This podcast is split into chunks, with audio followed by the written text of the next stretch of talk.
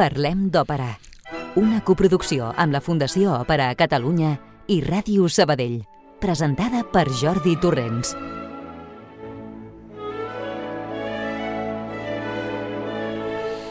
Hola a tothom, bona tarda. Aquí estem de nou amb tots vosaltres per parlar d'òpera i de cant en general. No ens limitem només a una sola cosa, ja ho sabeu.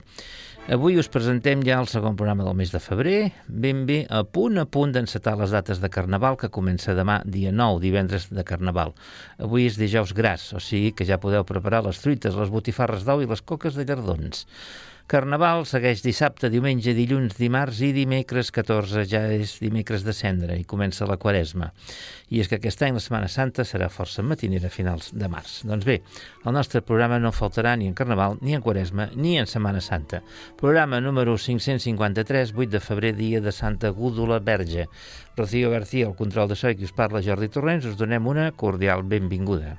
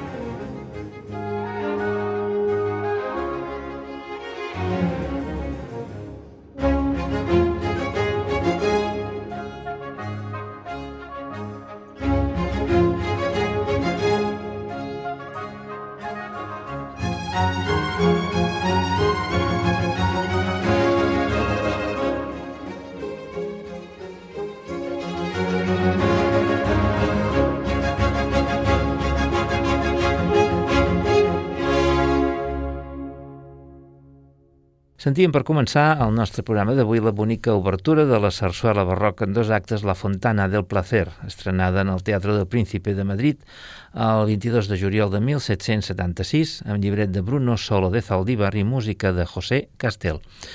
La interpretació anava a càrrec de la companyia Teatre del Príncipe eh, sota la batuta de Pablo Eras Casado, aleshores un jove director emergent i avui en dia un nom de consolidada fama internacional. I per què hem començat amb aquesta peça? Us ho explico. Suposo que recordeu que fa dues setmanes eh, el Flameric varen presentar el CD La Caramba, dedicat a la tonadilla escènica del segle XVIII espanyol. Recordareu també que ja us van explicar que la protagonista del CD, que és la soprano sabadellenca Maria Hinojosa, havia de venir a l'estudi, però que una inoportuna grip ho havia impedit. I també us vaig dir que la Maria acabaria venint poc després i el dia ha arribat i aquí la tenim. Benvinguda, Maria. Moltíssimes gràcies per convidar-me i la paciència. Que... No, ja, ja, aquí fem de tot, fem improvisacions i, escolta, avui no podem, va, vinga, vaig treure un conill de la xistera i, i, i ho vam fer, i tant. Està recuperada ja, no? Ja està, Molt sí, bé. sí. Molt bé. Uh, abans de continuar també us diré que la Maria va participar en aquest enregistrament de la Fontana del Placer, que hem sentit l'obertura, eh? i per això l'hem posat, i per donar la benvinguda. Si em permeteu, us posaré una àrea d'aquesta sarsuela interpretada per ella, que és Aunque me hallo pobrecita. Sentim-la. Mm.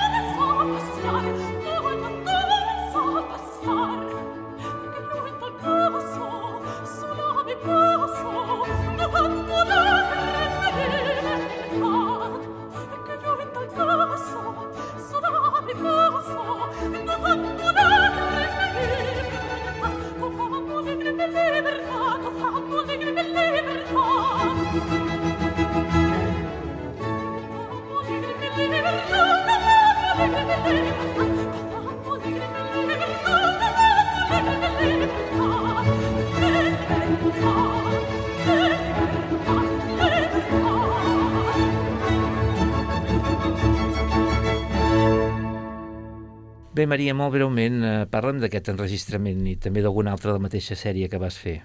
Doncs vam estar durant uns 3 3-4 anys fent mm. uh, uh, la pro produccions de, de recuperació de repertori sí. de, de sarsueles uh, i, i bueno, anàvem in situ a, mm -hmm. a Madrid a fer la gravació a, i bueno, vam tenir la sort de poder col·laborar amb el, amb el Pablo Eras Casado, Exacte. que era qui dirigia totes aquestes gravacions, Sí.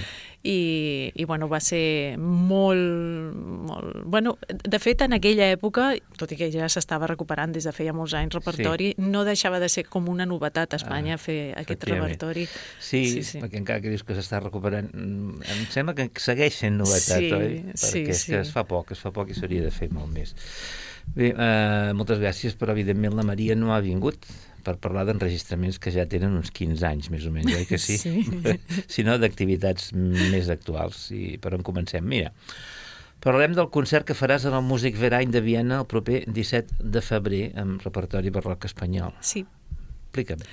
Doncs, uh, mira, vaig col·laborar fa uns anys amb el, amb el Quatuor Mosaics, fent, que són doncs, els principals instrumentistes del de, Christoph Kwan, l'Eric Herbert, mm. eh, amb, i vam fer una gira per, per tota Espanya i Portugal amb el, amb el Stabat Mater de Boccherini, Mm. de la versió de, per soprano sola, i ja, bueno, va néixer una bona amistat i una bona relació. Vam, ells em van convidar a fer-ho al Music Verein, però a la sala, una sala que tenen més petita dins de l'edifici. I, bueno, va ser un èxit i a partir d'aquí doncs, el vam fer a, a Hongria, vam anar una miqueta voltant per tot arreu, estàvem tots molt contents uns amb els altres a Itàlia, Mhm. i al final, doncs, eh, l'Eric Herbert, que fa una miqueta després de, de que va, va morir el, el Harnoncourt, fa una miqueta Mm. com d'enllaç artístic, Mhm. Em va demanar si podia assistir-hi, si voldria eh, venir a fer un concert amb ells, Sí. amb Concentos Músicos Vien, a la sala gran de Músic A Ferenc. la sala daurada aquella La sala del concert del, de, de Televisió Cap d'Any. Espanyola. Ah, molt bé. Ostres, i això no, no hi haurà ni imatges aquí? Uh, la ràdio gravarà, Mhm. no sé si hi haurà alguna cosa de vídeo, però bueno, Molt alguns bé. amics ja vindran. A... Això està molt bé. Que Sabadell estigui present a la sala daurada del Músic Verein. Molt bé. Sí, no. Et felicito. Moltíssimes gràcies. El que més em va agradar va ser que em van donar carta blanca. Em van dir, ah, digue'ns tu què vols cantar. Ah, molt bé. I llavors, clar, jo vaig pensar, què faig? El que fa tothom, ara farem Händel i farem Boccherini, farem... Sí. I llavors vaig pensar de doncs, posar un peu allà a Viena amb repertori específic del període que ells són especialistes, però Mm. espanyol. I vaig llavors escollir Martini Soler, Uh -huh.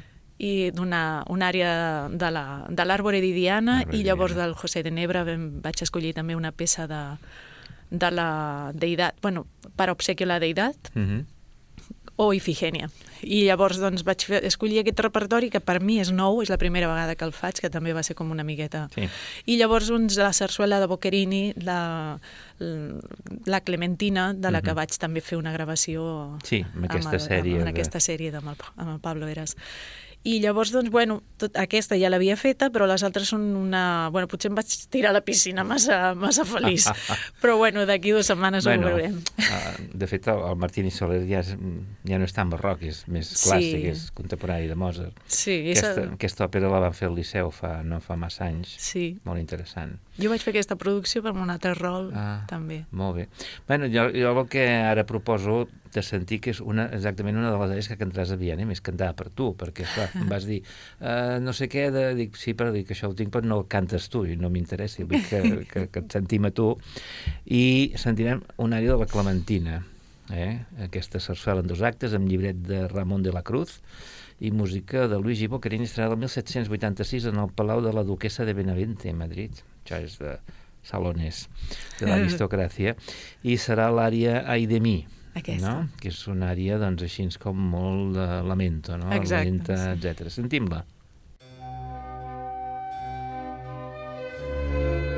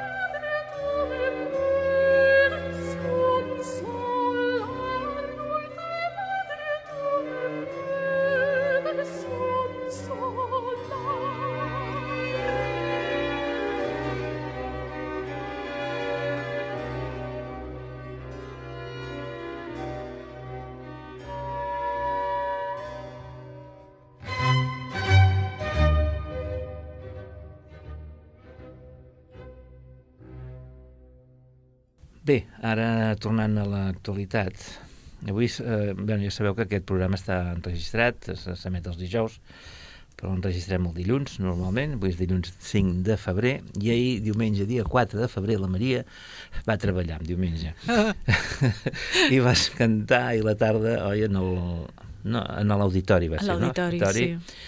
Una peça totalment diferent, una cosa contemporània, que és el Magnificat de John Rutter, sí. amb la banda municipal de Barcelona i el Cor Canta, que és una agrupació coral. El que sí? Sí, Explica'm, exacte. Que em va anar. Doncs va anar molt bé, mm. molt bé. I també vam fer una Elisenda de Montcada, del Jordi Flaquer, que va ser una, la peça que va guanyar el premi, primer premi de, mm. de composició per a banda. Sí. I també va estar molt bé, em va agradar molt, va estar molt bé, molt ben can preparada per veu, vull dir que I això, estrena, és això era una estrena. I era una estrena. I, molt bé. I, I això, aquest bé. magnificat de John Rutter, que vaig estar investigant una mica perquè vaig reconèixer la meva ignorància. Quan, quan sóc ignorant ho reconec, no, no faig... No dic el contrari, no sabia qui era el John Rutter. Vaig investigar, vaig veure uns, que és un senyor que encara està viu, no? Sí, ja és grandet. Eh, sí, sí. grandet, però és totalment contemporani.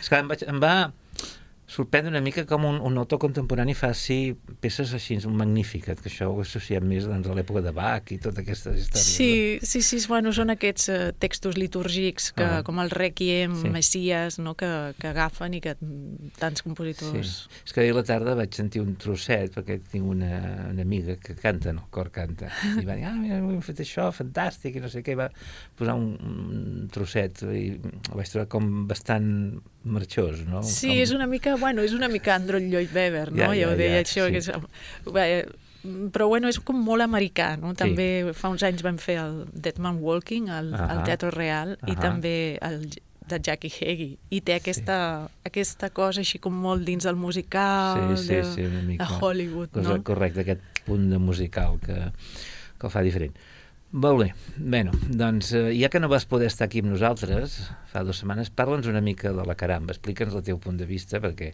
el Flameric va xerrar molt i tot això, però a mi m'interessava saber la teva opinió, eh? i canviem per la força, i bé. Eh? Això... Que bé. Sí, no, no sé si has vist l'enllaç d'aquell programa, no, no el deus Encara no l'he pogut amb allò del concert Sí. i la recuperació de la grip, Va. però ara serà el primer que faré avui. Fantàstic.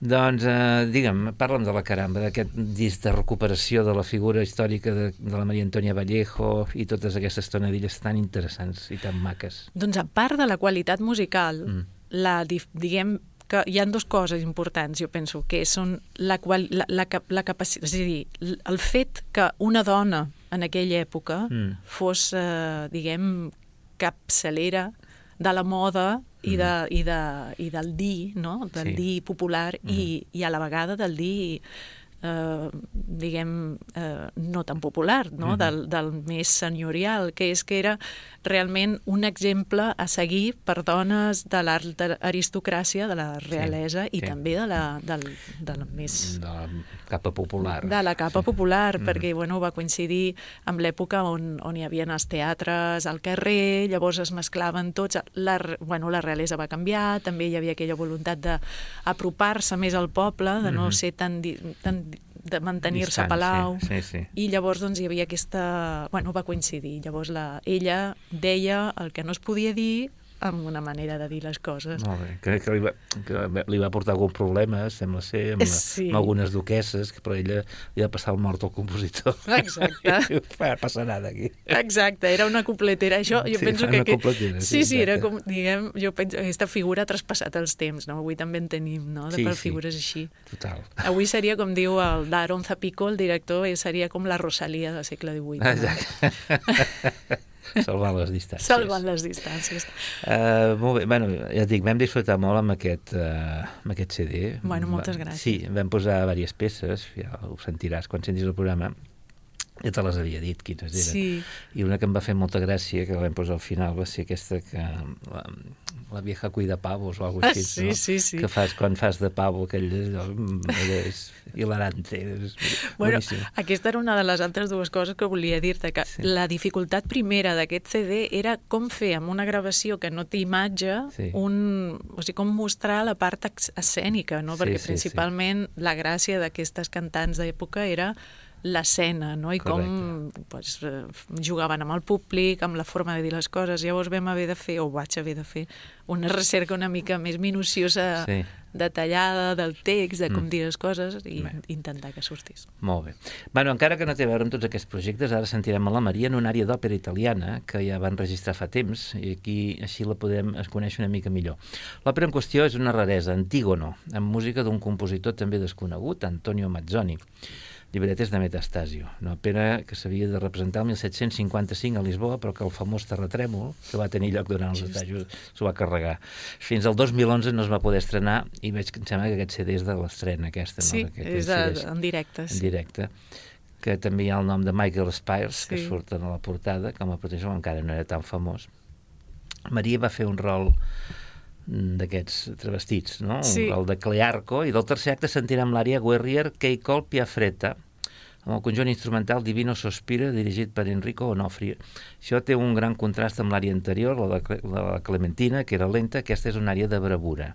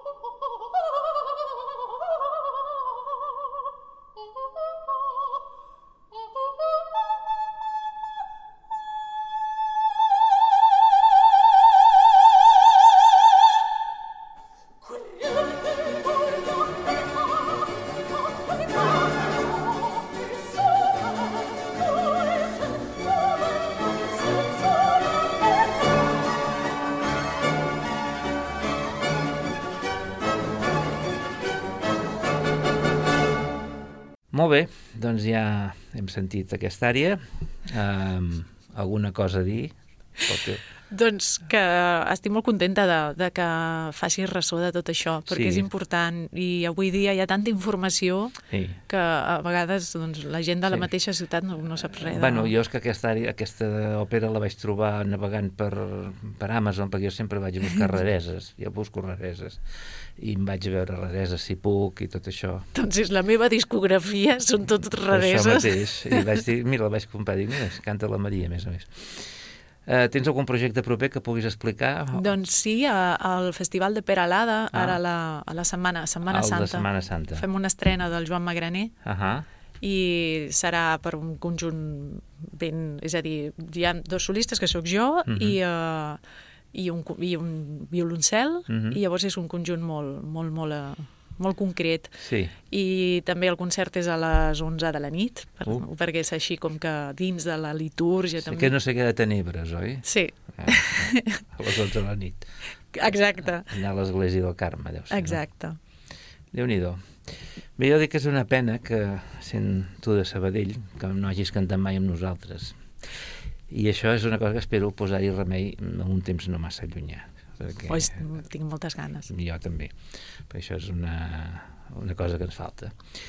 Per ara només puc dir, doncs puc agrair moltíssim que hagis volgut estar avui aquí amb nosaltres a l'estudi, Bueno, I de veritat que desitgem gràcies. que el concert a Viena sigui un excitàs d'aquells que facin època i que vegin Àustria. Quins grans artistes tenim aquí. Moltíssimes gràcies. Eh sí? bueno, i segur que et voldran tornar a tenir. Jo estic convençut, i a més a més amb aquest repertori que és tan xulo, vull dir, a part del teu disc, ha sortit ara un altre disc que fa bastant de temps també vam comentar aquí, que era aquell del General Malbrú, el coneixes, sí. no? Que aquell és xulíssim també, del Jacinto Valledor, que vaig anar a la Sorsala a veure quan vas cantar allò de la violació de Lucrecia, sí, del Nebra, José de Nebra. Sí són coses que s'han d'anar coneixent i que jo penso que el públic les ha d'anar coneixent i promocionant i eh, volent escoltar aquest repertori. Sí, perquè és que és la nostra cultura. Vull dir que sense ah. voler és el nostre imaginari comú. Correcte. I no és tan llunyà, està no, aquí al costat. perquè aquí ens anem molt a,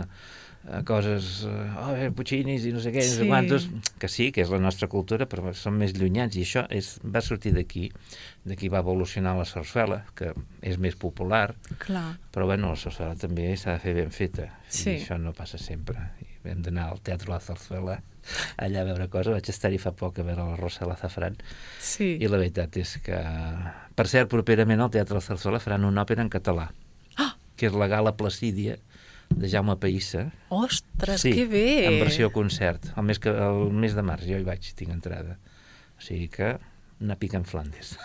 Quantes funcions en fan? Uh, dues, em sembla. Dues, sí, bueno. sí, aquestes coses um, fan poques. Uh, només una coseta final, eh? Sí. Uh, perquè ara la resta del programa, t'ho vaig dir, la dedicarem a parlar, a recordar l'Eua Potles, que és la gran contral polonesa que fa pocs dies ens ha deixat.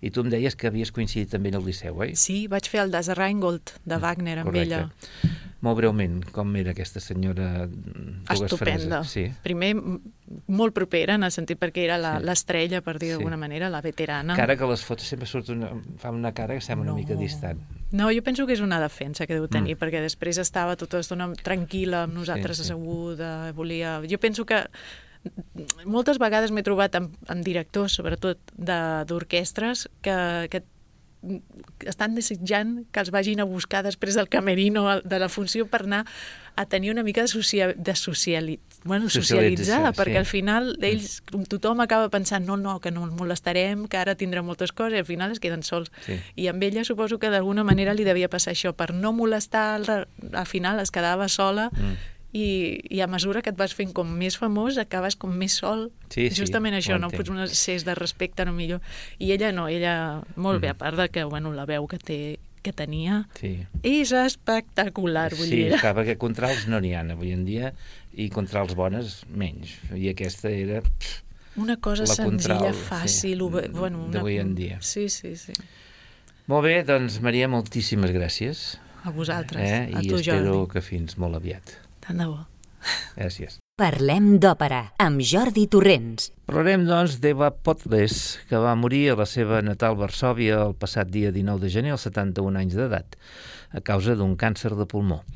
El passat 7 de novembre havia mort el seu marit, el pianista Jerzy Marchvinsky. Eva Potles, que destacava per ser una de les poquíssimes contrals d'avui en dia, un tipus de veu molt i molt escàs, i a banda d'haver-n'hi tan poques, la Potless era, sens dubte, la millor de les mm, actuals. Molts de vosaltres, estimats amics i amigues oients, eh, la recordareu, sens dubte, per haver-la sentit nombroses vegades en el Liceu. La relació mm, d'aquest artista amb el teatre barceloní era molt estreta, doncs va guanyar el segon premi del Vinyes l'any 1981, fou guardonada el 2013 amb la medalla d'or del teatre i finalment fou en el Liceu en el maig del 2017 va actuar per darrera vegada en el rol de la marquesa de la Fitge Regimal de Donizetti. Sentim, si us sembla, Eva Potles a Armida de Gluck, l'escena quarta de l'acte tercer, que és l'escena de la Hen, l'Odi, personatge que ella interpreta.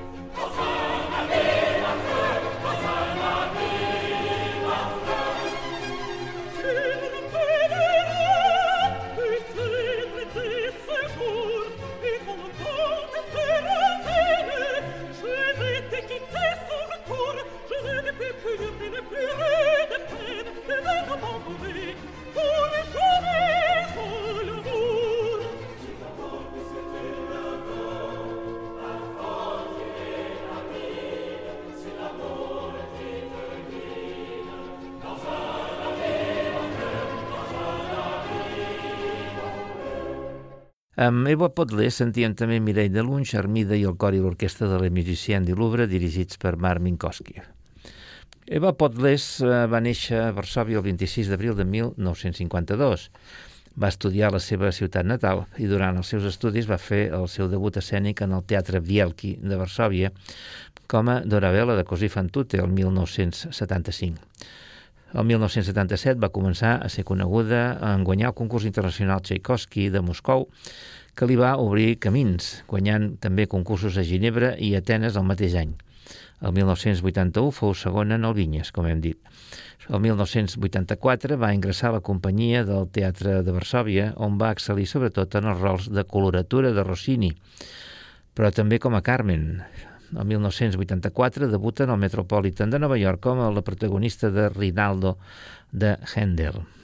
El mateix any va participar en el Festival des en Provence com a Rosina del Barber de Sevilla i va cantar del Gisa de Norma a Vancouver. El seu àmbit d'actuació en aquells anys va ser internacional, purament, cantant molt poc a Polònia, fins a mitjans dels 90.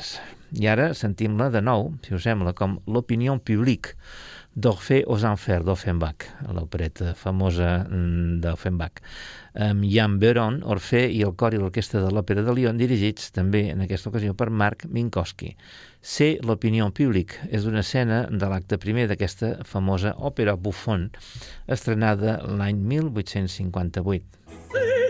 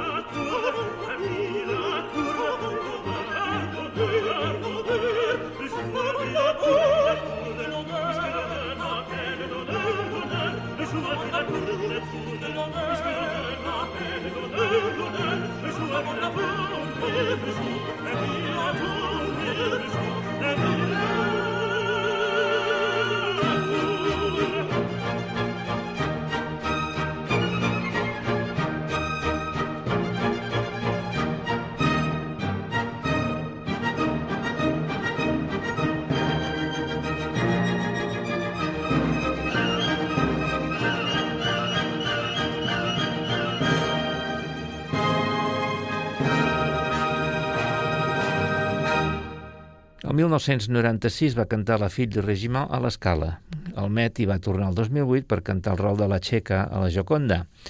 El seu repertori era molt ampli i eclèctic i comprenia òperes com Rodelinda de Handel, Tancredi de Rossini, Giulio Cesare, també de Handel, on va interpretar tant el paper mm, protagonista com el de Cornelia, l'italiana in Algeri, el cicle de, de l'anell del Nibelung de Wagner, on interpretava una esplèndida herda, l'Electra de Strauss com a Clitemnestra o també la Cendrillon de Massenet on era Madame de la Haltier, la madrastra. És molt coneguda la seva interpretació també en el rol protagonista a Chiro in Babilònia de Rossini, que va cantar el 2012 primer en el Festival de Caramur als Estats Units, que va ser la premiera americana d'aquesta òpera, i després en el Festival de Pesaro, d'on hi ha un DVD editat. Com hem dit, eh, va tenir un lligam especial amb el Liceu, tant que considerava Barcelona com la seva segona casa. En el Teatre dels Rambles hi va cantar el Xina de Händel, eh, més concretament en el Teatre Nacional de Catalunya, mentre el Liceu s'estava reconstruint, eh, fent el personatge de Bradamante, això fou el 1999.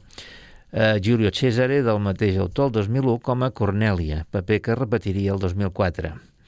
La Gioconda, el 2005, fent el personatge de la Txeca, la mare de la Gioconda.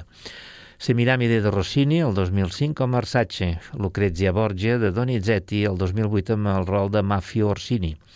El 2010 fou la contessa La dama de piques de Tchaikovsky. El 2013, Erda a Das Reingol, eh, que, com hem sentit abans, en aquesta òpera és quan va coincidir amb Maria Hinojosa, la qual interpretava una de les tres filles del Rin.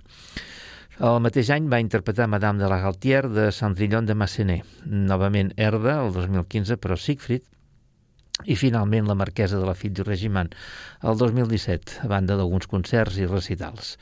Jo, que recordi, la vaig veure al Xina, eh, la vaig veure a Giulio Cesare del, del 2001, també la Joconda, eh, la Dama de Piques i el Rengol. En totes aquestes ocasions vaig poder-la, vaig tenir el privilegi de gaudir-la en directe.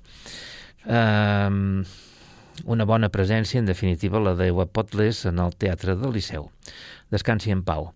I, per concloure el programa, la sentirem com a Isabella de l'italiana in Algeri, amb l'àrea Cruda Sorte Amor Tiranno, amb l'Orquestra de l'Òpera Estatal d'Hongria, dirigida per Pier Giorgio Morandi. I només ens restarà convocar-vos per al proper programa, que ja el tenim molt a punt.